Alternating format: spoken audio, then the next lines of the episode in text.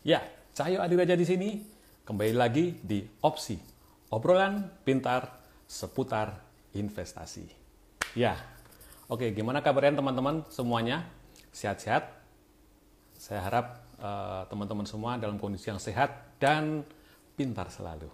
Ya, kalau kita melihat berita-berita uh, akhir-akhir ini ya, akhir-akhir ini uh, teman-teman pasti banyak mendengar dan membaca istilah yang lagi ngetren di media-media saat ini. Ada yang tahu istilahnya apa? New normal. Nah, nah apa sih sebenarnya new normal itu? Nah, new normal, kalau yang saya nggak salah baca, uh, new normal itu adalah kita kembali uh, beraktivitas seperti biasa, tetapi dengan tambahan ada protokol kesehatan yang harus kita miliki. Contohnya, contohnya, contohnya misalnya kita harus ke mana-mana harus pakai masker. Terus kemudian selalu menjaga kebersihan, cuci tangan, menjaga jarak, dan juga uh, kalau bisa kita juga selalu uh, menjaga kesehatan. Nah, terkait dengan new normal ini, kita hari ini akan membahas dalam kaitannya dengan investasi. Ya. Bagaimana kondisi investasi nanti setelah new normal ini uh, berlangsung. Apakah akan uh, sama seperti kemarin atau ada strategi-strategi baru? Nah, hari ini kan kita bahas dengan salah satu narasumber kita yang cukup uh, inspiratif. Beliau sudah uh, join di sini. Oke, saya invite dulu. Ada yang tahu siapa? Mas Ryan Filbert. Ya, kita tunggu. 5, 4. Iya.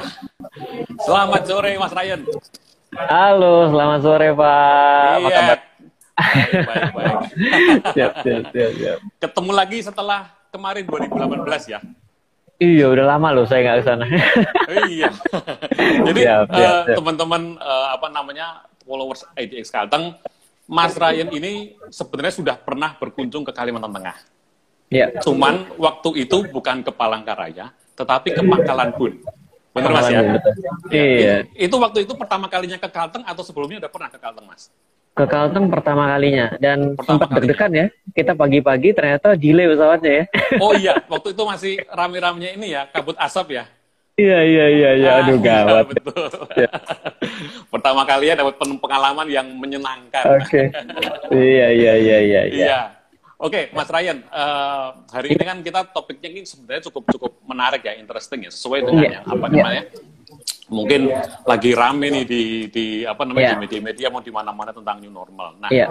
Uh, yeah. Yeah. mungkin nanti kita akan bahas. Nah, sebelum kita bahas, mungkin yeah. uh, ada baiknya nih Mas Mas uh, Mas Ryan mungkin bisa cerita pengalamannya dulu bagaimana sih. Nah, mungkin banyak yeah. teman-teman yang waktu itu belum join apa namanya waktu Investival 2018. Yeah, yeah, yang belum pernah mendengar ceritanya ini bagaimana ceritanya Mas Ryan ini kok bisa sampai kecemplung ke dunia pasar modal. Karena kalau yeah, dilihat backgroundnya kan gelarnya SSN ya kan? sarjana seni.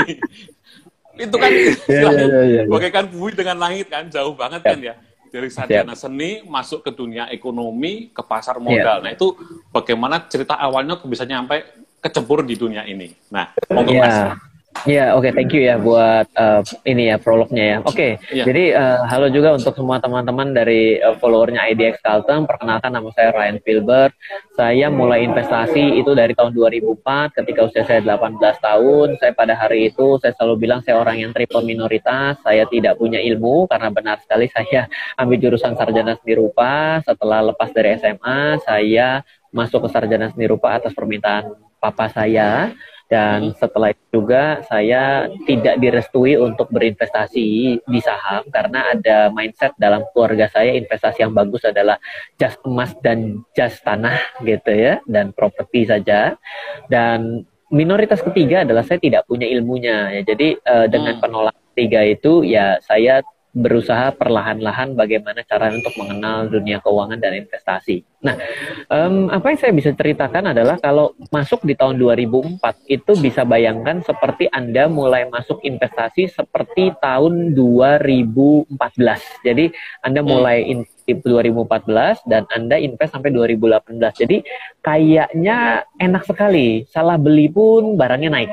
Ah iya betul. Iya karena lagi naik-naiknya dan 2018 itu kan menjadi salah satu uh, nilai tertinggi kita di indeks harga saham gabungan. Nah hmm. jadi saya mengalami fase yang sama sampai dengan tahun 2008.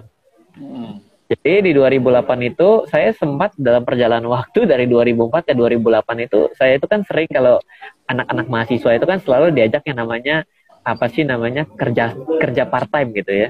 Oh iya. Ah. Saya kerja part time itu kan dia kalau uh, di kerja part time pada saat itu dua ratus lima puluh ribu tuh. Berapa satu bulan dapat kerja apa? Dua ratus lima puluh ribu? Hah? Berapa? Dikasih dua ratus lima puluh ribu? Sorry deh, nggak ikut. Kenapa? Karena pada saat itu saya jualan online, saya punya penghasilan per bulan tuh sekitar 20-30 juta. Uh. Iya, jadi pada waktu itu saya terasa sangat sombong dan masih tersisa kesombongan.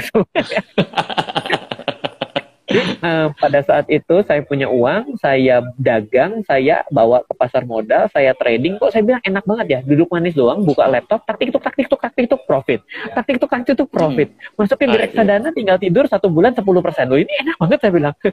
Ini emang cari uang sebegini enaknya saya bilang. Kenapa nggak dari dulu ya? Jadi masa-masa masa-masa awal pernikahan dengan pasar modal itu begitu seru gitu ya. Begitu 2008 ceker turbulen. Begitu masuk trading jerat langsung turun.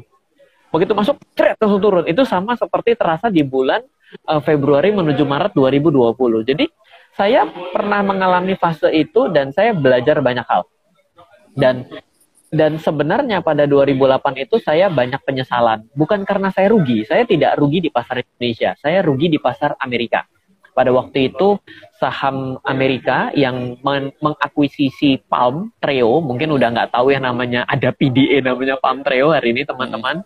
Palm Treo itu diakuisisi oleh Hewlett Packard dan Hewlett Packard earningnya cepet brut langsung nilainya bablas nah langsung nol duitnya di sono.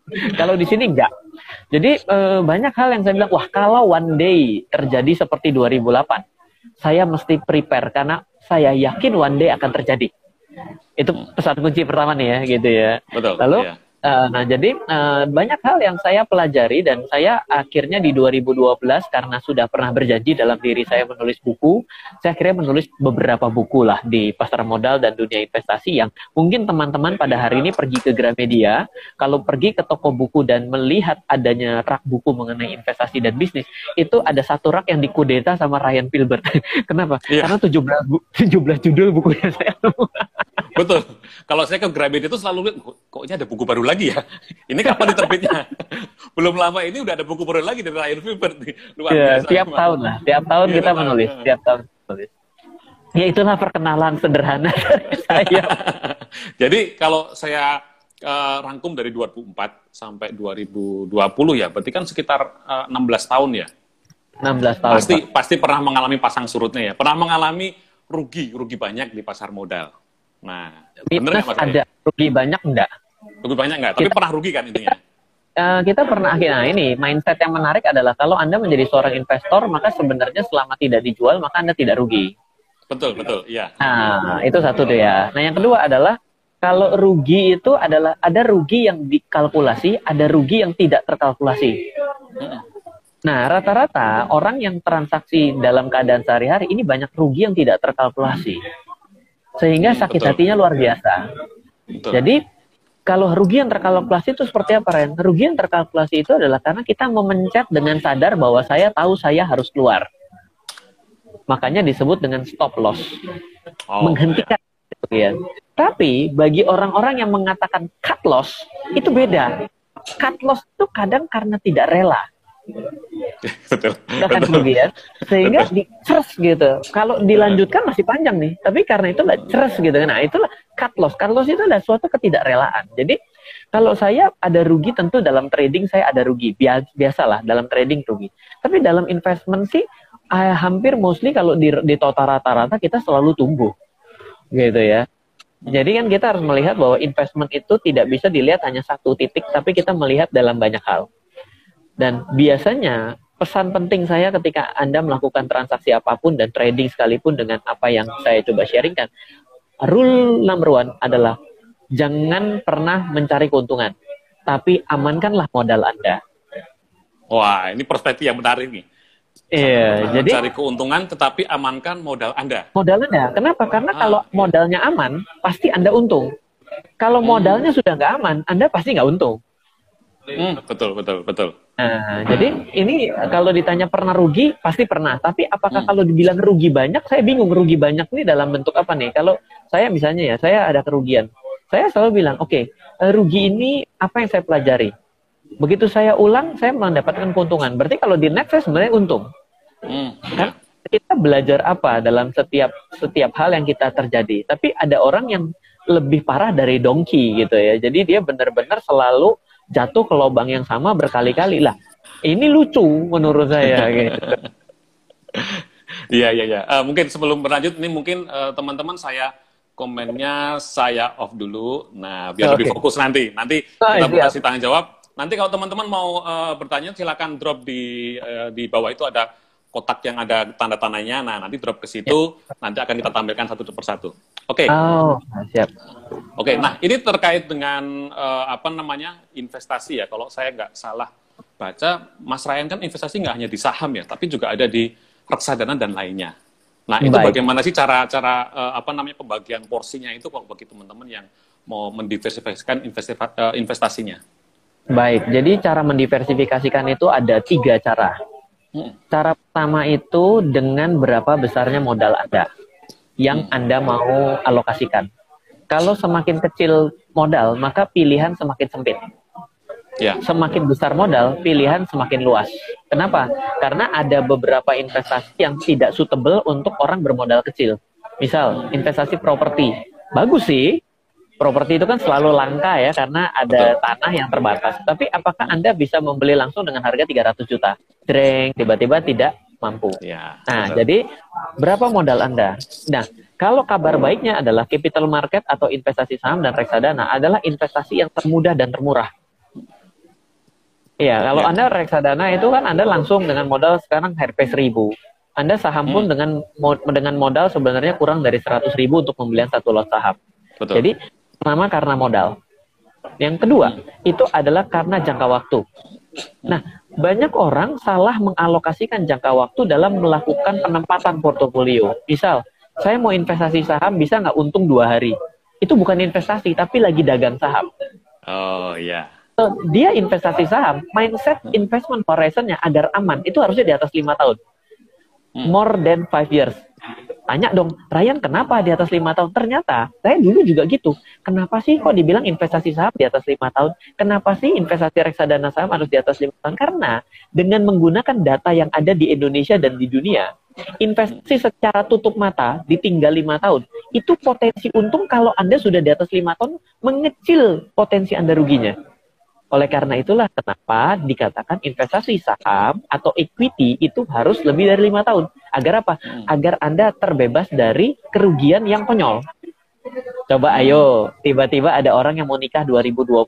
2020 nikah walau nikah mungkin menjadi beralasan jadi nggak bisa karena corona. Iya. Tapi kalau ternyata 2018 di investasi saham dengan maksud mau nikah 2020 dan ternyata tetap boleh tuh ya nikahnya bisa hmm. batal tuh duitnya hilang turun oh, iya, 40 persen, turun 30 persen, batal nikah. Kenapa? Karena saham berbahaya bukan karena salah mengalokasikan jangka waktu. Jangka waktu. Hmm. Jadi step yang pertama adalah bicara mengenai modal. Yang kedua bicara mengenai yang namanya kita bicara dengan time frame horizon investmentnya. Nah, yang ketiga, nah ini dia Ketiga, dalam kita mengalokasikan portofolio investasi, itu kita harus bermain dengan tiga kuadran sebenarnya. Jadi step satu, step dua kan nggak ada kuadrannya ya. Tadi gampang diingat. Pokoknya ya. ngomongin waktu, ya kita ngomongin modal. Nah, yang ketiga itu disebut dengan tiga step kuadran. Tiga step kuadran itu selalu saya sharing karena ini menjadi dasar saya berinvestasi. Step satu adalah orang kalau mau baru mulai investasi, sebenarnya disarankan ke tempat yang high risk. Loh, yang high risk, high risk ya? Iya, kenapa? Kalau high risk itu high gain. Hmm, betul. Kalau uangnya sudah orang adalah pemula, dia mulai dari active income, tiba-tiba langsung yang low risk, udah pasti low gain. Misal, tiba-tiba ya. saya saya misalnya uh, umur 23 tahun, 24 tahun fresh graduate tiba-tiba dapat penghasilan, saya sudah benar sih 50% saya investasikan. Masukinnya deposito. 10 tahun lagi sih iya nambah sih, tapi itu nggak akan bisa mengalahkan tingkat kenaikan harga barang-barang. Oleh karena itu, ya. bila Anda memulai dari pemula, mulailah dari yang namanya tiga kuadran. Mulai dari yang high risk dulu, High risk itu adalah biasanya bisa dimulai dengan modal yang kecil, beli saham, beli reksadana saham. Setelah itu, ketika sudah step ini dilewati, Anda melakukan review. Kalau untung, maka Anda masukkan ke dalam step yang kedua, yang disebut dengan protect your profit. Protect your profit itu apa, Ryan? Protect your profit itu adalah berbicara mengenai untungnya dari yang high risk diamankan. Hmm. Jadi step kedua. Nah, masuk dalam step kedua, mulai step ketiga, mulai yang namanya membangun kemapanan, creating wealth. Dalam creating wealth ini dibagi menjadi tiga kategori. Satu, properti yang produktif. Dua, business and acquisition. Tiga, namanya hedging. Kalau properti produktif berarti membeli properti yang menghasilkan uang. Business acquisition itu sebenarnya seperti saham itu business acquisition kalau punya satu lot sama sepuluh ribu lot, jelas sepuluh ribu lot seperti memiliki bisnis kan. Kalau satu lot kan rasa, rasa ditimpuk dividennya nggak berasa. Gue kasih sepuluh ribu lot tiba-tiba kalau jotan ya. Berarti sudah masuk ke dalam kuadran tiga. Yang terakhir adalah hedging. Hedging itu adalah kita harus tahu bahwa melindungi nilai itu agar kita tetap kaya. Jadi sebenarnya back to basicnya lagi bahwa melindungi agar fluktuasi itu tidak ada. Orang kaya itu mencari profit loh. Percentage of profit itu nggak peduli orang kaya. Hmm. Semakin kita miskin, semakin nyari percentage of profit yang tinggi. Ryan nggak ngerti. Maksudnya gimana sih? Gini gampang. Kalau saya punya uang satu juta, untuk jadi satu juta lagi, artinya saya satu juta, profit sejuta, itu kan berarti namanya uh, profit 100%. Bener ya? Hmm, ya Rasanya betul. kalau saya duduk di sini sama Pak Cahyo ada di sana, suruh nyari sebuah bisnis yang modal satu juta menghasilkan satu juta rada gampang. Tapi kalau saya tiba-tiba Pak Cahyo, saya punya satu, satu triliun saya pingin dapat satu triliun lagi. Artinya sama-sama 100%. Setengah mati itu. Nyari bisnis yang profit 100 yang satu triliun atau bisnis profit 100%. Kenapa? Karena modalnya beda. Yang satu satu juta untuk 100% easy untuk dapat satu juta. Satu triliun berat untuk dapat satu triliun kedua. Tapi yeah. kalau yang satu triliun ini dapat 10% saja, nggak perlu 100%, 100 miliar loh. Dan itu impact Berarti orang dengan uang besar itu concernnya bukan berbicara dengan yang namanya percentage of return, tapi berbicara mengenai bagaimana caranya tumbuh. Kenapa tumbuhnya dikit aja, dia udah cus naiknya udah nggak ada nggak nggak tanggung tanggung. Hmm. Itu adalah mindset pada creating wealth. Nah, jadi ada tiga kriteria berbicara bagaimana kita menggeser-geser portofolio kita. Wah, oke. Okay. Sip. Jadi sudah teman-teman sudah dapat insight yang menarik uh, dari segmen ini. Jadi sebelum kita lanjut, nanti kita bicara mengenai new normal. Uh, yeah. saya bacakan dulu beberapa pertanyaan ini. Nah, Ayo. sebentar. Apa nih pertanyaannya? Sebentar. Uh, ini nih, yang ini nih. Udah keluar nih. Nah, what do you think about multi-bakers at this season?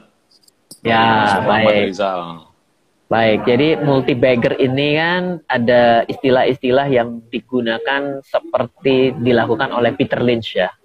Jadi hmm. sebenarnya kondisi yang namanya multi bagger itu semakin turun, maka semakin nafsuin karena diskonnya makin besar. Jadi konsep multi bagger itu pada hari ini terbuka menjadi lebih besar probability-nya untuk benar. Oh. Intinya adalah bukan karena uh, multi baggernya yang diperdebatkan, tapi adalah memang konseptualnya adalah semakin diskon maka semakin menarik untuk kita investasikan. Hmm. Itu itu aja sih. Oke, uh, satu lagi mungkin pertanyaannya uh, sebentar. Nah ini tentang reksadana ini. Nah, hmm. perbedaan reksadana saham indeks dan saham biasa dan bagaimana saya mau memulai invest di reksadana berarti ya ininya. Oke, okay, baik. Jadi membeli saham itu dari 700 yang maaf Pak, sekarang berapa berapa sih saham yang listing di bursa? 700-an ya? 691. Hampir 700. Oh ya, tak tambah 9 lagi lagi. nah ya, di bulan 700 boleh lah. Dengan 700 saham ini perkara terbesar adalah bagaimana cara memilih 700 saham ini.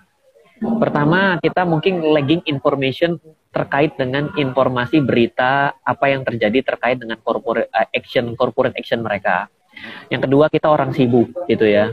Dan saya pun juga saya juga sekarang kan uh, cukup sibuk gitu. Jadi kebetulan saya lebih aman karena saya sudah punya tim di belakang saya untuk kita saling aware terhadap setiap perubahan dalam setiap industri dan peraturan. Nah, kalau ada orang-orang biasa yang tidak cukup yang tidak memiliki waktu, maka membeli saham itu tantangannya adalah memilih saham yang mana dari 700 ini. Nah, ketika Anda berbicara reksadana saham indeks atau reksadana indeks, maka sebenarnya adalah ada eh, anggapan bahwa ah sudahlah daripada saya pusing-pusing memilih saham, lebih baik saya ngikutin saja setiap indeks yang ada saat ini, let's say IDX 30, LQ45, itu saya buntutin aja beli LQ45 ke 45 45-nya. Perkara besarnya hmm. adalah kan saya beli 45 saham ya jontor juga dong dibeliin satu lot lumayan loh. LQ45 hmm. ada GGRM loh, ya kan? Satu GGRM betul, berapa duit? Ya. Nah, artinya ya. menjadi tidak terjangkau. Oleh karena itulah manajer investasi yang membelikan saham-saham sesuai dengan indeks acuan tertentu dan kita membeli uh, kolektifnya investasi kolektifnya melalui melalui manajer investasi sehingga namanya adalah reksadana indeks. Sehingga si manajer investasi itu sebenarnya do nothing. Yang dia lakukan adalah mengganti portofolio indeks eh, mengganti portofolio sahamnya bila indeksnya mengalami perubahan. Kan yang namanya LQ45 direvisi setiap enam bulan sekali. Jadi kalau anda membeli reksadana indeks maka yang anda lakukan adalah anda pergi ke manajer investasi yang memiliki reksadana indeks tapi hmm, bisa iya, saja ya, ya. ada reksadana indeks yang seperti reksadana indeks tapi diperdagangkan selama perdagangan bursa buka. Namanya adalah Exchange Trading Fund, namanya ETF. ETF, ETF itu ya. kodenya X depannya. Ya, nah, X. jadi Anda milih. Jadi sebenarnya ETF itu adalah tidak bertemu dengan fund manager tapi mentransaksikan terhadap demand dan supply yang ada di pasar modal di bursa efek selama dari jam 9 sampai penutupan. Ya, hmm, ya, go ahead. Okay, Kita okay. boleh pilih gitu. Iya, oke okay, oke. Okay. Ini tadi uh, pertanyaan lain kita keep dulu. Kita lanjut Baik. sekarang uh, ke topik apa namanya uh, kita hari ini, yaitu tentang ya. new normal. Apakah new strategi juga? Ya. Bicara Baik. mengenai new normal kan sekarang sudah mulai di apa namanya mulai dibahas ya. Apalagi pemerintah juga uh, sudah membuka beberapa daerah yang kemarin uh, sempat melakukan PSBB ya pembatasan sosial berskala besar ya bukan ya. pernah sayang tapi belum berjodoh. Nah, iya. nah itu apa? Gaul nih gaul nih. Nah ini kemarin kalau kita lihat impactnya jadi begitu ada itu terus kemarin sempat uh, apa namanya ISG itu sempat bergerak naik ya. Meskipun setelah itu uh, kemudian kemarin turun kemarin turun sempat dalam. Dan hari ini luar biasa apa namanya seperti roller coaster ya. ISG yeah. tadi buka sempat uh, menyentuh level 4.700an kemudian yeah. penutupan tadi malah sempat hijau plus 25 poin. Nah, yeah. kalau kita melihat uh, perspektif new normal ini apakah berpengaruh juga terhadap strategi investasi ya khususnya di uh, saham apalagi kalau kita melihat mulai dari uh, Maret itu kan jatuhnya dalam banget kan terus kemudian ada beberapa uh, sekarang ya ambruk ambruk bener ambruk kalau yang baru masuk mungkin sekitar setahun dua tahun mungkin langsung waduh bukan kesel lagi ya apa namanya jantungan waduh beli apa namanya beli saham nilainya tinggal apa namanya minusnya sampai hampir 40 persen ya kan gimana caranya tapi kalau mungkin yang sudah pernah mengalami 2008 apalagi yang pernah mengalami 98 justru mungkin melihat ini wah ini peluang nih kapan lagi gue dapat harga murah dapat diskonnya banyak. Nah, ini mungkin strateginya bagaimana nih, Mas Ryan? Khusus untuk saham dulu okay. lah ini kita bahas. Baik, oke, okay, saya akan coba mulai dengan tiga poin ya. Jadi yang pertama hmm. adalah bagi orang yang uh, konservatif gitu ya. Konservatif itu aliran klasik. Ini aliran klasik. Kalau aliran klasik itu yang menjadi fokus kita adalah kembali ke dalam fundamental dasar kalau kita mau investasi. Artinya saya selalu bilang sama teman-teman semua, cara kalau Anda mau menjadi seorang investor dengan menjadi seorang trader itu adalah aliran ilmu yang Anda harus tekuni beda. Kalau jadi trader itu banyak hal-hal teknis. Sedangkan menjadi seorang investor itu yang diperlukan bukan hal teknis, tapi hal-hal yang sifatnya psikologis. Hmm, yeah. Maksudnya apa Ryan? Oke, okay, gampang saja. Ketika Anda berbicara dengan psikologis, maka Anda kembali lagi melihat uh, kondisi historis. Oh, ternyata perusahaan ini memang hebat ya. Dia sudah berkali-kali keluar dari krisis Artinya perusahaan ini proven terhadap bisnisnya. Ingat, investasi itu membeli perusahaan dan menjadi pemilik dari perusahaan. So, kembali lagi adalah lihat perusahaannya. Sama seperti orang menikah. Lihat lagi, oh emang ya ya ya oke. Jadi eh. kita bicara dengan metode klasik yang saya sebutkan adalah back to the fundamental. Oke, okay. Hmm. kepada bagian yang kedua kita mulai peka terhadap zaman. Kenapa? Hmm. Yang namanya uh, yang namanya sejarah itu sebenarnya berulang dengan modifikasi. Nah, ini nih gaya orang sarjana seni rupa bisa bisa ngomong begini nih. Jadi kalau kalau orang seni rupa itu uh, selalu berbicara yang menjadi titik keunggulan dalam kuliah seni rupa itu adalah bagaimana mengaktifkan intuisi. Di mana semua orang seni rupa itu adalah bagaimana caranya mendahului tren. Jadi kita itu harus bisa membuat menjadi trendsetter itu itu adalah clue dari seorang sarjana seni rupa. Kalau dia menjadi seorang sarjana seni rupa yang bonafit, berarti dia selalu bisa menciptakan tren. Tiba-tiba nah, dia mengganti gaya fashionnya berubah menjadi burung merak jadi gak pakai baju umpamanya. Oh itu kan tiba-tiba jadi tren gitu kan. Nah itu itu kemampuan seorang seni rupa. Dan tapi hidup itu begitu. Contoh sederhana, zaman dulu kita pakai handphone sebesar-besarnya, berubah menjadi sekecil-kecilnya, hari ini sudah layar lebar kembali Betul, ya. Betul. Nah, jadi barang siapa yang pertama kali memulai memulai layar lebar kembali berarti dia adalah trendsetter, betul nggak? Betul. Uh -uh. Nah, hari ini bila Anda tahu dengan adanya new normal, maka akan ada trendsetter baru yang harus Anda pikirkan akibat new normal ini. Artinya adalah tidak bisa dengan gaya hidup yang sama. Gaya hidup apa yang dimaksud hari ini adalah gaya hidup yang harus back kepada kesehatan, tapi harus peka terhadap teknologi. Iya atau ya? Betul, ya. Betul. Berarti perusahaan-perusahaan yang bisa memulai usahanya dengan gaya ini akan menjadi pertama kali survive. Iya atau iya? Betul. Berarti ya. itulah cara Anda mencari saham-saham yang bagus pada hari ini. Apakah dia menerapkan prinsip PSBB dalam bisnisnya? Apakah dia masuk ke dalam industri yang memang berhubungan dengan kesehatan pada hari ini. Apakah jualan makanannya hari ini concern terhadap kesehatan? Apakah jualan makanannya sudah concern kesehatan, melek teknologi pula? Apa yang hari ini tiba-tiba dikonsumsi orang berlebih? Oh, ternyata kuota. Hari ini semua orang melakukan yang namanya webinar. Nah, ya, ini berarti betul. ada industri yang tiba-tiba terboosting secara alami, ada industri yang harus struggling mempivot bisnisnya agar dia bisa agar dia bisa survive dalam kondisi hari ini. Nah, itu berarti aliran kedua. Aliran pertama gaya klasik hmm. yang bilangnya kembali itu back basic aja lah, yang penting dia bisa survive. Hmm. Yes, oke. Okay. Aliran kedua itu adalah yang mencari yang dengan kondisi hari ini mana yang akan menjadi the next trendsetter yang tadi saya sudah ceritakan. Nah, ada aliran ketiga. Aliran ketiga adalah aliran orang yang memang telah mempelajari krisis bukan lebih dari satu kali tapi berkali-kali. Kenapa? Karena walaupun pelaku pasarnya beda, tapi psikologinya itu tidak pernah berubah. Dimulai dengan fearness, dimulai dengan tidak ada hope, dimulai dengan recovery, dan ketika recovery itu akan apa saja yang duluan, itu ada terlihat patternnya. Saya sudah belajar dari capital market dari tahun 1890 dari Standard Poor di, di Amerika. Jadi saya walaupun ngerasain krisis 2008, 98 itu saya masih SD kelas 6, tapi saya belajar krisis semenjak saya tahu bahwa ada krisis yang namanya 2008 tuh. Saya belajar, saya tarik mundur dari tahun 1890. Apa yang saya bisa ceritakan? Kalau saya mau tanyakan, Ryan, cerita di mana? Saya ada bukunya tuh. Judulnya adalah The Secret Stock Market in the Century. Anda bisa cari buku itu. Saya menceritakan krisis-krisis dari tahun 1890.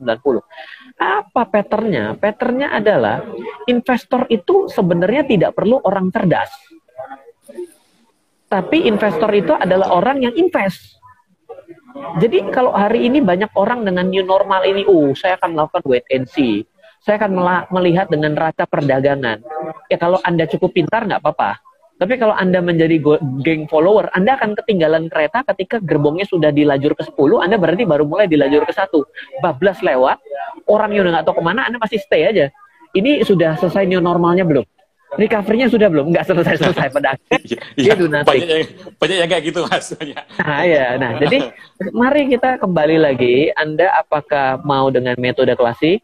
Anda mulai dengan perubahan-perubahan yang hari ini ada, ataupun Anda kembali mempelajari sebenarnya apa sih dari krisis ini apa? Krisis yang akan pulih biasanya pertama kali akan taking, uh, akan lompat. Itu pertama tentunya capital market sebelum sektor realnya jadi nanti jangan Anda tungguin sektoralnya pulih. Itu capital market itu udah nggak tahu ke mana. Betul. Saya ya. akan tunggu sektoralnya pulih. Oh jangan salah. Investor itu akan duluan di depan. Berani taking risk untuk masuk di dalam ketika dia tahu bahwa yes ini gue tahu memang keadaannya begini gitu loh. Jadi hati-hati nih dengan melihat mau wait and see ya. Wah seolah-olah sakti nih. Begitu dia lewat bablas sudah nggak tahu di mana ya kan. Jadi itu satu. Nah yang kedua adalah ketika pasar modal pulih, yang pertama kali juga akan kita tahu adalah properti akan pulih. Kenapa? Karena properti ini adalah barang yang akan terdowngrade habis-habisan dikala orang butuh uang. Kenapa? Karena properti itu tidak seperti saham. Bisa direct per hari ini di sell T plus 3 duit turun. Dengan properti ini perlu cari lawan dulu. Hari ini kalau cari lawan nggak ketemu maka dia akan diskon. Maka ketika di diskon habis-habisan, maka efeknya adalah dia akan turun harganya. Ketika dia turun harganya, lalu dengan ditambah perlambatan ekonomi, maka yang terjadi adalah bunga akan turun. Ketika bunga turun, orang yang selama ini nggak punya properti, dia akan invest properti karena bunganya murah. Berarti sektoral properti ini, developer-developer ini akan dapat angin surga ini. Hmm. Jadi properti ini udah udah jontor berkali-kali loh. Jangan salah sudah lama gitu. Nah ya kalau yang lain ya yang defensif ya tentunya ada healthcare, lalu ada consumer, lalu ada finance di negara kita, lalu dengan infrastruktur akan kembali lagi. Nah, itu akan ada yang mengikuti. Tapi ini adalah pattern. Jadi terkait dengan PSBB, Anda mau mengikuti tips yang mana ya? Go ahead, silahkan salah satu dari tiga tadi. Hmm, ya, jadi clue-nya tadi udah jelas dari Mas Ryan ya, sektornya yang mana. Terus sekarang terserah uh, teman-teman semua. Jadi mau ngikut yang mana. Yang penting jangan cuma wait and see, ah, tunggu deh, ntar uh, apa namanya, koreksi lagi, nah, ntar nggak koreksi-koreksi marketnya bablas terbang ke mana? Iya, jadi memang yeah. Iya. uh, dibutuhkan uh, cara pandang apa ya? Salah uh, satu dari tiga tadi. Iya, kalau dari tiga tadi. Jadi istilahnya teman-teman jangan jangan ragu lah. Kalau memang mau buat invest, ya sekarang waktunya. Mumpung ISG-nya sudah diskonnya lumayan lah. Dari tertinggi 6.500-an sekarang di 4.800 sudah kurang diskon apa lagi ya kan? Mau di diskon lagi ya mungkin kita nggak akan uh, waktunya mungkin mungkin ada tapi mungkin tidak tidak akan sesempat itu. Nah terkait itu tadi uh, apa namanya? Ini ada pertanyaan menarik. Tadi sempat saya lihat di situ ada tapi keburu saya off kan saya bacakan aja uh, saya lupa tadi dari siapa LK kuartal kedua nanti keluar jadi semester satu nanti laporan keuangan keluar apakah akan terjadi uh, penurunan seperti kemarin ya kan karena kalau orang bilang sebenarnya uh, cerminan kinerja perusahaan itu nanti ter terlihat dari laporan semester 1 karena kalau yang kuartal 1 itu kan menghitung dari Januari sampai Maret sedangkan yeah. Iya. uh, corona ini kan baru mulai sekitar awal-awal Maret jadi ibaratnya Januari Februari ini kan masih normal nah jadi kalau uh, dilihat dari apa namanya laporan semester 1 nanti apakah setelah itu akan terjadi penurunan seperti kemarin. Nah, itu gimana Mas Ryan? Baik, jadi uh, kembali ada dua cara dalam melihat, yaitu kalau Anda bermain dengan statistik, maka menjadi tipsnya adalah koreksi besar yang lebih besar diskonnya itu ada kecenderungan pada beberapa bulan kalau kita mengikuti pergerakan indeks harga saham gabungan dari tahun 1990. Jadi bulan-bulan rawan koreksi itu adalah pada bulan Mei, pada bulan Juni pada bulan Agustus dan pada bulan Oktober. Ini memiliki kondisi diskon yang lebih di atas rata-rata dibandingkan bulan-bulan yang lain. Hmm. Jadi kalau melihat dari kondisi ini, statement yang tadi barusan nggak salah juga. Hmm. Terlepas terlepas ngomongin corona efek gitu ya, tapi memang yeah. memang secara statistik itu adalah suatu hal yang usual nggak suatu yang extraordinary gitu ya tapi karena memang ada dalam kondisi market dari indeks harga saham gabungan dari 1990 sampai dengan tahun 2019 yang saya pegang datanya uh -uh. yang saya cek uh -uh. dengan data bulanan maka Anda akan menemukan empat bulan yang rawan terjadi koreksi lebih tinggi dibandingkan bulan yang lain saya ulang lagi oh, okay. yang pertama adalah pada bulan Mei yang kedua adalah pada Mei. bulan Juni Agustus, Juni, dan Oktober. Agustus, Oktober. Oke, okay. Mei, Juni, Agustus, Oktober. Ya, kalau yeah. orang-orang market dulu sering-sering bilang ada ungkapan sell in May and go away. Mungkin yeah. itu salah satu ini ya. Mungkin, mungkin ya. Itu istilah-istilah ya. yang kadang-kadang pemula malah tambah takut. anyway, tapi teman-teman anyway tiga ini. Hmm. Ya, jadi Mei, uh, Juni, Agustus dan Oktober. Oktober. Jadi ya jadi mungkin itu peluang kalau teman-teman masih nunggu eh, nunggu-nunggu mau ada ini tapi jangan terlalu menunggu lah. Kalau kita melihat ekonomi sudah mulai bergerak berarti sektor real sudah mulai bergerak dan uh. otomatis juga nanti juga harga saham juga sebelumnya juga pasti akan bergerak duluan karena sudah prediksi. Meskipun dengan adanya new normal ini konsekuensinya adalah jumlah pasien COVID-nya ini yang positif jadi pertama banyak ya kan ya. karena ya kita tahu sendiri kan masyarakat kita masih belum cukup tertib untuk uh, ya. mengikuti protokol kesehatan yang ada jadi memang ya. ada dua sisi uh, kayak dua sisi apa namanya pedang ya ininya ya sama-sama okay. kalau apa namanya tidak dilonggarkan ekonominya nggak akan jalan ah, oke okay. akhirnya dampaknya juga jelek tapi kalau uh, apa namanya tetap kita lebih concern ke kesehatan kemudian ekonomi gak jalan. Nah ini juga uh, dampaknya juga seperti itu. Jadi memang ini pilihan yang harus pilihan berat yang harus kita ambil. Nah makanya Baik. tetap kita harus tetap uh, mengikuti protokol kesehatan meskipun uh, ekonomi mulai uh, dilonggarkan. Hmm, nah, oke, okay, saya oke. Okay. Saya boleh tambahin dikit tadi ya, Mas ya? Boleh, monggo. Oke, nah jadi uh, versi pertama adalah yang tadi memang ada kecenderungan. Nah, yang kedua adalah sebenarnya Anda harus tahu memang turbulensi itu ada kemungkinan pada kuartal kedua. Tapi yang paling penting, saya ini hari ini saya justru karena saya ada di industri jasa keuangan dan memang masih diperbolehkan untuk selang-seling masuk, saya masih uh, selang-seling selama PSBB. Saya mendapati suatu fenomena yang menarik loh yang saya bisa share kepada teman-teman. Ternyata ada saja industri yang justru malah tambah rame Hmm. Gak, okay. gak percaya nih ya. Ini kan kita pikir oh industrinya nih si Ryan pasti ngomong mengenai industrinya industri kesehatan. Ih, enggak loh. Hmm. Coba ayo, kebayang nggak bahwa ternyata industri mainan itu naik naikan di per, di, di masa PSBB ini. Jadi industri ada sebuah mainan. Mainan anak-anak ya. Mainan anak-anak. Oh. Kenapa? Saya tanya kan, saya saya kan ngeledekin dong. Eh, eh, Mbak PSBB ya, aduh sepi ya Mbak ya, tokonya kan gede nih di salah satu tempat hmm. gitu ya. Enggak mas, kita malah tambah repot. Loh, kok malah tambah repot? Saya bilang, karena kita digojekin semua, orang beli langsung lewat WA, dikirim lewat Gojek. Uh, kita malah susah istirahat loh mas. Ambilin barang, ambilin barang. Tambah rame kamu, saya bilang. Saya cek kode sahamnya, wah ini pasti kita pencet nih, saya bilang. Ini bagus. Nah, jadi sebenarnya adalah tidak selalu bad news is a, a bad news, tapi bad news is a good news. Anda mesti melihat cracknya. Jangan selalu terbawa dengan framing yang terjadi sehingga Anda tidak pernah melihat cracknya. Ingat, pebisnis itu adalah orang yang pintar bermain di celah. Hmm. Betul nggak? Hmm, betul. Hati-hati loh. Oke, okay. nah. nah saya mau sedikit mengomentari terkait dengan pada hari ini kita seolah-olah di challenge oleh pemerintah bahwa eh kamu hari ini maaf ya saya lebih lebih pro kepada kepada ekonomi daripada kesehatan. It's kata-kata itu saya sering dengar tapi saya mau bilang begini, teman-teman, saya pingin saya pingin kasih tahu bahwa semasa hidup kita sebenarnya kata-kata kita diminta untuk memilih antara uang dan kesehatan itu sering sekali dilakukan tapi kita tidak sadar. Contoh ah ya sudahlah uh, untung aja saya nggak begitu kaya. Coba lihat dia. Dia kaya tapi sakit-sakitan. Saya dong nggak terlalu kaya tapi saya sehat. Itu sering loh kita terjadi dalam sekitar kita. Ada juga teman saya yang bilang ih dia kaya hebat loh dia kaya, dia sehat, tapi dia nggak punya waktu. Lihat deh, anaknya aja jarang ketemu dia, dia pulangnya jam 12 malam, dia direktur salah satu perusahaan yang ada di jalan protokol di Jakarta, saking sibuknya anaknya nggak pernah ketemu, kaya sih tapi nggak punya waktu. Kita itu dalam hidup kita sebenarnya itu selalu mencoba untuk mencari yang mana yang lebih bagus. Jadi kalau dalam hari ini, pilihan itu balik kepada kita, bahwa antara kesehatan dan uang itu sebenarnya bagaimana caranya Anda bisa menjaga keseimbangannya. Bukan Anda men-challenge untuk Anda memilih. Kalau Anda memilih, itu Anda tidak akan pernah menjadi orang yang happy dan makmur. Contoh, orang kaya tapi nggak sehat, pasti nggak happy. Orang sehat nggak punya duit, pasti nggak happy karena pasti sakit ntar lagi.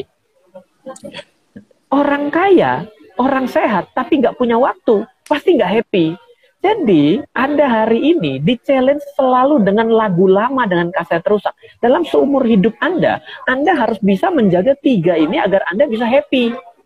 Yaitu punya waktu, punya kesehatan, dan punya uang.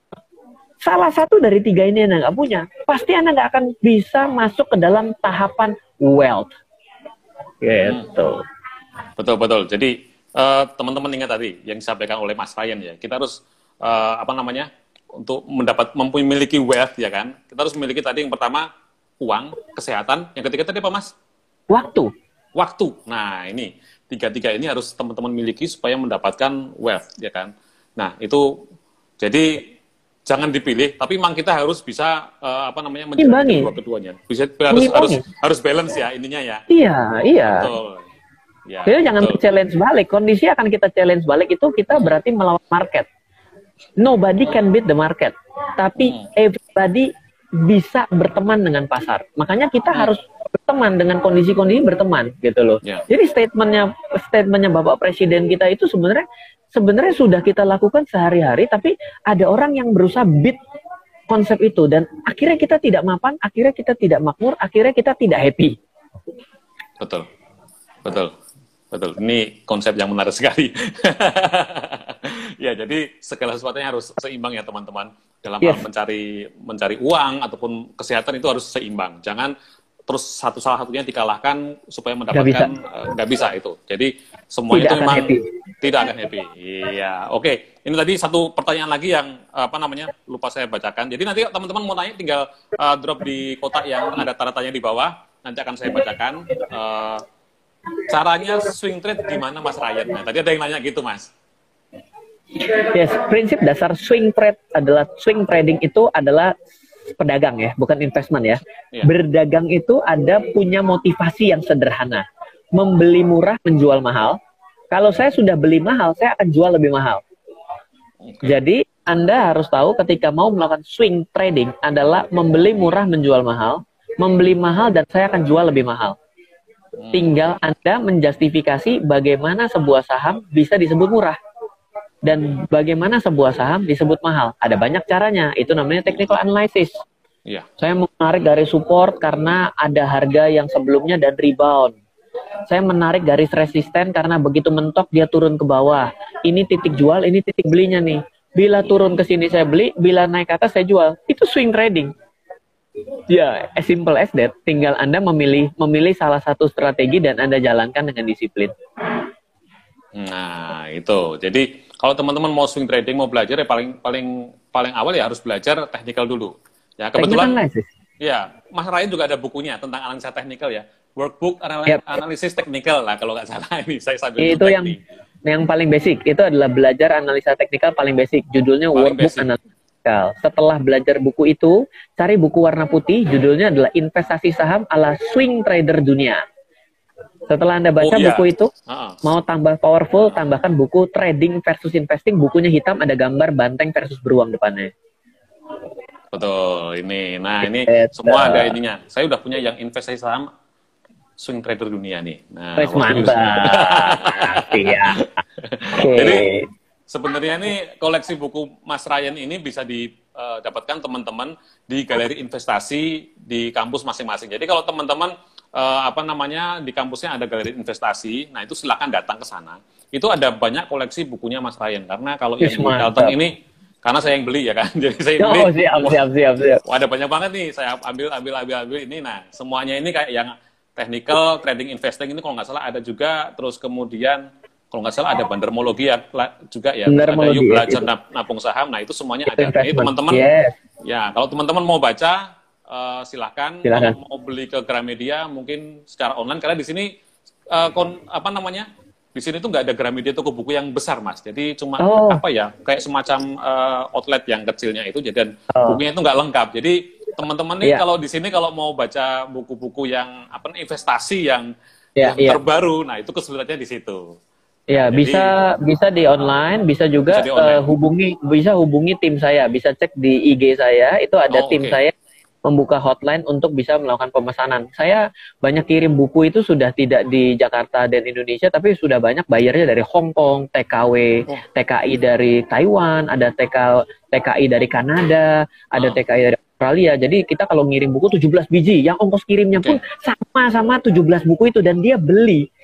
Saya bilang wah hebat orang-orang ini. Tapi dia bilang ya karena saya susah saya mau cari di mana? Dan saya nggak bisa digital. Dia nggak suka digital. Karena kan kita ini kan setengah milenial setengah kolonial kan? Ya jadi ya harus coret-coret gitu ya. Justru kalau buku-buku yang apa namanya yang non digital itu lebih enak. Karena begitu dilihat buka-buka lagi. Tapi kalau digital itu kan kadang buka ini kan susah. Malah yeah. yang dibuka bukan bukan baca buku digital tapi malah buka IG ya kan? Nah iya, iya, iya, iya, iya. buka medsos. Nah itu jadi teman-teman silakan kalau mau membeli nanti bisa teman-teman hmm. bisa hubungi apa namanya timnya Mas Ryan Filbert uh, di IG. ada di IG-nya, IG-nya juga ada. Nah begitu. Yep. Nah ini karena kok kayaknya nggak ada pertanyaan ya. Saya buka aja deh kolom komennya nih. Nah biar rame. Nah, ayo benar. silakan. Nah, yang mau nanya silakan nanya di apa namanya di apa namanya kolom pertanyaan. Nah, sekarang kita buka pertanyaan. Nah, um, hmm. Mas Ryan. Oke. Okay. Yang depan-depan tadi kayaknya ada deh sebentar. Silakan, silakan, silakan. Ini nah, nanya, silakan. Ini dari Mas Muhammad Sugiono. Bagaimana kalau ada saham yang PER dan PBV-nya sudah lebih dari nilai rata-rata lima tahunnya, hold atau jual? Nah, ini namanya uh, relative uh, relative valuation. Jadi hmm. teman-teman hmm. kalau mau belajar fundamental analysis ini harus uh, mengerti ada yang namanya relatif valuasi, valuasi yang relatif. Bila teman-teman menghitung price earning ratio lalu dihitung rata-rata selama lima tahun dan ternyata didapati hari ini sudah di atas rata-rata, yes betul itu adalah salah satu melakukan metode analisa fundamental yang mungkin dianggap sudah di atas rata-rata artinya mahal. Nah, ada juga sudut pandang relatif valuationnya begini. E, misalnya tanya gini, eh kamu itu kalau mau investasi sudut pandangnya berapa tahun? Saya sudut pandangnya 15 tahun. Oke, okay. artinya kalau ada orang yang investasi 15 tahun, berarti dia berpikir bahwa dalam 15 tahun ini saham ini harus kembali modal dong. Yeah. Kembali modalnya dari mananya? Berarti dari earning per share-nya dong, dari laba per lembar saham. Artinya, kalau saya mendapatkan sebuah saham yang pernya, price earning ratio-nya kurang dari 15. Berarti selama dia masih kurang dari 15, itu masih cocok untuk saya investasikan. Hmm. Tapi artinya menjadi relatif karena setiap orang memiliki time frame horizon yang berbeda terhadap investasinya. Jadi ya. ada orang yang suitable dengan per 25 karena dia eh, investment horizon yang 45 tahun cocok. Tapi bagi orang yang punya investment horizon 10 tahun, membeli saham dengan per 25 tidak tepat. Kenapa? Karena dia harus dapat yang per kurang dari 10. Kenapa? Karena kalau per lebih dari 10 berarti investment horizonnya dia andaikan earning per share yang dia dapat pada hari ini stabil sampai dengan 10 tahun ke depan masih kurang untuk BEP. Nah, jadi ini namanya relative valuation. Anda beraliran apa? Kan bela diri ada banyak nih. Brazilian Jiu-Jitsu, ada lagi Muay Thai, ada. Taekwondo, ada boxing. Itu kan jurus pitingan dan kunciannya beda semua. Yeah. Nggak bisa disebut, saya nggak bisa sebutkan karena saya tidak mengerti apa yang Anda maksud dalam Anda melakukan valuasi. Oke. Ini mulai banyak nih pertanyaannya. Ini kalau uh, apa namanya? Nah ini, ini kayaknya banyak yang kejeblos nih Prinsip buat saham oh. gorengan, gorengan gimana Mas Ayan? gorengan ya, oke. Okay. Gorengan gini maksudnya mana namanya gorengan ini ada banyak ya dalam beberapa dalam beberapa kategori karena ini tidak ada kategori yang fixnya gitu ya. Pertama adalah gorengan ini karena jumlah lembar saham yang beredarnya tidak begitu banyak sehingga uh, terjadi fluktuasi harga yang bisa saja jedak jeduk. Itu maka kita bisa sebagai saham gorengan. Yang kedua juga karena uh, uh, walaupun jumlah beredarnya banyak, tapi minat orang transaksi di saham itu sedikit, maka jedak jeduk juga. Ada lagi yang saham yang tidur tiba-tiba lompat, tidur tiba-tiba jeduk, jedak jeduk juga, tapi karena dia tidak melakukan transaksi. Nah, kalau ada gorengan yang selanjutnya yang paling bahaya adalah digoreng memang benar-benar dia dalam kondisi dikondisikan, tapi tidak bisa dibuktikan bahwa mereka melanggar. Nah, kalau Anda memang melihat salah satu kriteria pada saham tersebut. Kalau saham yang tidak jelas tapi bisa naik turun itu biasanya salah satu kriterianya adalah laporan keuangan entah ke mana harga harga saham naik ke mana. Ini namanya tidak matching.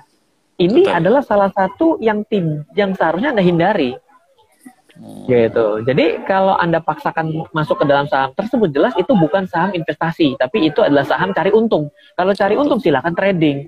Kalau trading harus disiplin. Begitu harus sudah harus keluar, Anda harus keluar dalam keadaan untung dan rugi. Itu nah. prinsip-prinsipnya. Ya, jadi kalau kurangan itu harus siap uh, apa namanya? stop loss ya. Turun ya. berapa ini karena harus teman-teman harus siap-siap apa namanya? Uh, dijual. Jadi nah. jangan nunggu wah nanti nunggu balik lagi. Nah, yang ada malah tambah nyungsep jadi saham-saham gocapan ya kan. Kalau udah saham-saham gocapan udahlah, tinggal apa namanya? Uh, jadikan sejarah aja gitu. Eh, invest itu nanti investor saham nyangkut, namanya investor saham nyangkut nah, gitu ya. Investor ya, dadakan ya kan. iya, nah tapi memang ada satu fenomena menarik yang saya mau uh, saya mau katakan pada hari ini karena penurunan sahamnya besar, ada saham-saham yang di harga 50 ini saham-saham yang menarik. Jadi dia salah harga oh. justru. Ah, ayo silakan oh, cari. Oh iya iya iya. Saya sebenarnya, sebenarnya ya. sudah sudah sudah melihat ada ada satu saham harga 50 yang perusahaannya itu sebenarnya profit ya kan. Tapi harganya okay. 50. Kemarin sempat gerak-gerak nih. Dan ya. dia kemarin baru dividen. Iya dong. iya. Saya nggak mau share iya. PR buat teman-teman ya. PR cari lah. Cari ya. Bacalah iya. laporan keuangan apa namanya. Iya. Uh, nyarinya kan gampang. Saham harga 50 berapa sih ya kan? Kemudian iya. satu-satu. Nah, gitu. Iya. Oke, terus ini pertanyaan menarik lagi. Cash is the king. Berapa persentase percentable cash yang harus kita pegang untuk investasi saat ini? Hati-hati, ini menarik. Saya mau cerita, teman-teman, kata-kata cash is king itu kadang-kadang bagus bagi orang yang sangat paham dengan dunia makroekonomi dan mikronya. Tapi kalau Anda ternyata orang yang tidak begitu jago dengan makro dan mikro, maka saya lebih sarankan cash flow is king kong. Makro Ulang lagi. Bukan cash is king, tapi cash flow is king kong. Cash Kenapa? flow is king kong. Oke. Okay. Cash flow. Kalau cash flow artinya Anda tetap ada uang masuk yang terjadi income bagi Anda sehingga Anda bisa keep invest. Hmm. Anda cash is king, tiba-tiba Bank Indonesia melakukan cetak uang, terjadi inflasi gila-gilaan, cash become trash. Dan Bank Betul. Indonesia tidak akan telepon Anda, maaf ya Pak, karena Anda punya cash is king, maka saya cetak uang, Anda tolong hati-hati dengan uang Anda nilainya kurang. Mana urus? Itu, itu namanya kebijakan makro, Anda nggak bisa dilawan gitu. Uh. Jadi kalau Anda memang berpikir bahwa Anda mau investment dan Anda nowhere Anda tidak tahu kondisi ke depan dan saya yakin tidak ada satupun yang begitu 100% yakin, maka selain Anda bisa memiliki cash, Anda harus berpikir investasi yang bisa menghasilkan recurring income, cash flow. Perusahaan-perusahaan yang keep bisa membagikan dividen pada kuartal-kuartal ini itu adalah suatu perusahaan yang bercash flow.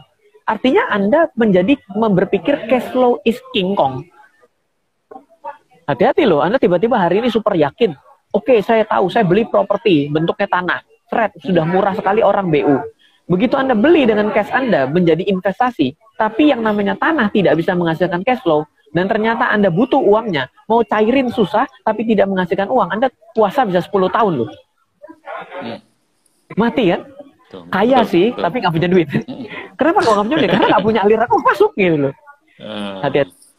Saya tidak membahas mengenai part of portfolio percentage-nya ya, tapi karena kalau portfolio percentage kita bisa menggunakan namanya financial planning. Financial planning itu 50% diinvestasikan, lalu setelah itu 50% dikonsumsikan, lalu habis itu setelah persen ini hati-hati dengan hutangnya. Lalu setelah itu dibagi melalui saham. Misalnya saya adalah orang yang berinvestasi untuk jangka panjang karena saya masih banyak untuk tujuan jangka panjang saya 50%, jangka penengah saya 30%, jangka pendek saya 20%. Tapi ketika mindsetnya kita adalah cash is king, kita akan orang yang takut untuk keluarkan uang, tapi kita pegangin duit kita. Dan Betul. ketika ada satu kebijakan makro yang membuat Anda tergerus secara inflasi, maka Anda menjadi stress barangnya. Dan Anda nggak keburu untuk kejar ataupun Anda masuk ke aset-aset yang mati yang tidak bisa menghasilkan cash flow. Bahaya dong. Iya, iya, iya. Oke, jadi memang biasanya ya orang kalau yang punya punya apa namanya? punya istilahnya pedoman cash is the king itu biasanya justru malah takut ya kalau mau membelanjakan uangnya waduh nanti jangan-jangan begitu saya apa namanya investasi sekarang habis itu turun lagi turun lagi jadinya uangnya nggak diapa-apain jadi tetap ya. cash terus bukan cash terus. Nah itu yang biasanya yang kalau yang saya lihat yang terjadi seperti itu. Nah kalau cash uh, itu kan, dagang beras. Dagang beras oh iya. Iya dagang beras itu kan margin tipis tuh. Oh, itu cash is king tuh. Berapa beras saya timpa? Oh itu kalau marginnya lewat 0,5 dihantam lagi. Itu karena cash is king. Barangnya barang tunai ketemu tunai. Ya bener harus pegang cash. Gitu. Oke uh, waduh ini pertanyaan masih banyak. Waktunya tinggal uh, menit mungkin satu pertanyaan terakhir satu pertanyaan terakhir ini gimana kalau belinya udah mahal mau jual lebih mahal tapi harganya turun nggak naik naik nah hmm, udah anda mahal, trading Ya, ya saya paham. Anda Anda trading atau investasi. Kalau Anda investasi ketika barangnya memang masih bagus, perusahaannya masih oke, ketika turun artinya diskon. Anda bisa beli lagi. Ya. Tapi kalau yang namanya trading, tidak ada yang namanya trading itu tanpa stop loss. Itu namanya naked. Naked itu telanjang. Dan itu artinya lucu. Anda kalau profit bisa TP, kalau eh, kalau kalau loss Anda tidak bisa SL. Seorang trader pasti bisa TP, bisa SL. SL itu artinya adalah membatasi kerugian. Jadi kalau Anda sudah kadung jeblok begitu, itu namanya sudah diberi, dibiarkan. Jadi biasanya yang harus lakukan segeralah dicari barang untung Anda, jual sama yang rugi itu sehingga modal Anda kembali walaupun Anda BP. Itu tips terakhir. Nah, oke. Okay. Ya, jadi teman-teman uh, tadi sudah ada berbagai macam tips, pertanyaan sudah beberapa dijawab, masih banyak jadi, tapi karena waktunya cuma satu jam ya kan, saya mohon yeah. maaf sekali kepada teman-teman yang mungkin pertanyaannya bisa dijawab. Jadi, uh, melihat dari yang kita bahas tadi, ya kan, jadi memang ada baiknya teman-teman uh, melihat bahwa ini suatu peluang. Jadi, jangan yeah. semuanya jangan jangan jangan menunggu kapan apa namanya IHSG akan turun lagi. Kalau cuma menunggu, Anda saya yakin pasti akan ketinggalan kereta. Ya, Baik. jadi yang yang paling penting yaitu belajar kalau memang yeah, sekarang yeah, belum yeah. belum ilmunya belum ada, teman-teman bisa banyak belajar dari buku-bukunya Mas Ryan juga ada atau sekarang juga sudah banyak akun-akun apa namanya di IG yang membahas tentang apa namanya tentang investasi, memberikan yeah. tips dan lain teman-teman bisa ikuti uh, secara free. Jadi uh, apa namanya jangan lupa persiapkan diri Anda sebelum Anda mulai berinvestasi supaya yeah. pada saatnya nanti Anda sudah siap. Oh, saya mau ya. ngapain yeah. sih? Nah, itu kan yang apa namanya yang paling penting itu. Jadi mempersiapkan yeah. Ya. uh, teman-teman supaya pada saat terjadi sesuatu teman-teman sudah ada persiapannya. Nah, yeah. gitu. Terus okay. uh, eh, apa namanya uh, di masa pandemi ini ya kan jangan lupa tetap jaga kesehatan seperti pesan Mas Ryan tadi ya kan harus seimbang. Nah, harus balance ya kan antara cari uang dengan jaga kesehatan.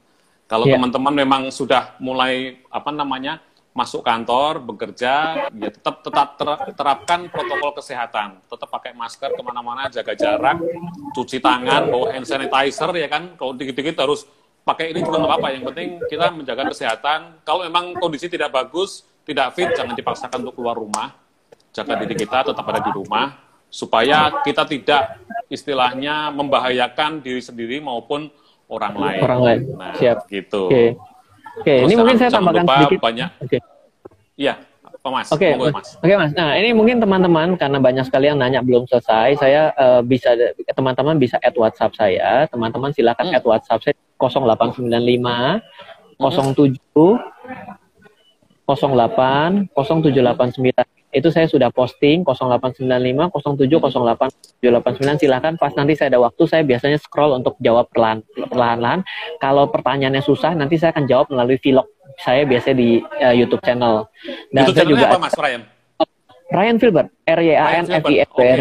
Ya, silakan cek di sana. Saya selalu update per hari, Pak. Ada per seminggu lah ada. Lalu bisa juga teman-teman cek di savingsaham.com. Scroll paling bawah itu ada modul belajar investasi selama 30 hari dari saya. Saya kasih buat teman-teman semua silakan akses.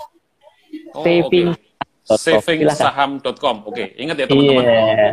Kalau yang pertanyaan belum sempat dijawab, teman-teman bisa uh, WhatsApp Mas Ryan di 0895 07 080789. Yeah. Nah, atau bisa belajar melalui uh, channel YouTube-nya Mas Ryan, uh, Ryan Filbert, ya kan? Jangan yeah. lupa subscribe, like, dan komen. siap, siap, siap, siap, siap. Terus bisa belajar selama uh, 30 hari 30 di saving Saya punya modul ya? savingsaham.com. Silakan akses saving di scroll paling bawah, di paling bawah. Gitu. Di scroll paling bawah. Oke, nah itu dia teman-teman. Uh, karena waktu sudah apa namanya mendekati akhir, Habis nih. saya okay. ucapkan terima kasih kepada Mas Ryan Filbert atas waktunya bersedia berbagi. Terima kasih teman-teman yang sudah setia join selama satu jam ini menonton live kita. Uh, insya Allah kita akan lanjutkan lagi di kesempatan berikutnya. Tetap sehat, tetap semangat, uh, tetap jaga kesehatan, supaya kita semua tetap bisa uh, maju terus, bekerja terus, untuk bisa mendapatkan yang lebih baik lagi. Terima kasih, selamat sore teman-teman, selamat sore Mas Ryan. Oke. Okay, Iya, yeah, oke, okay, thank you.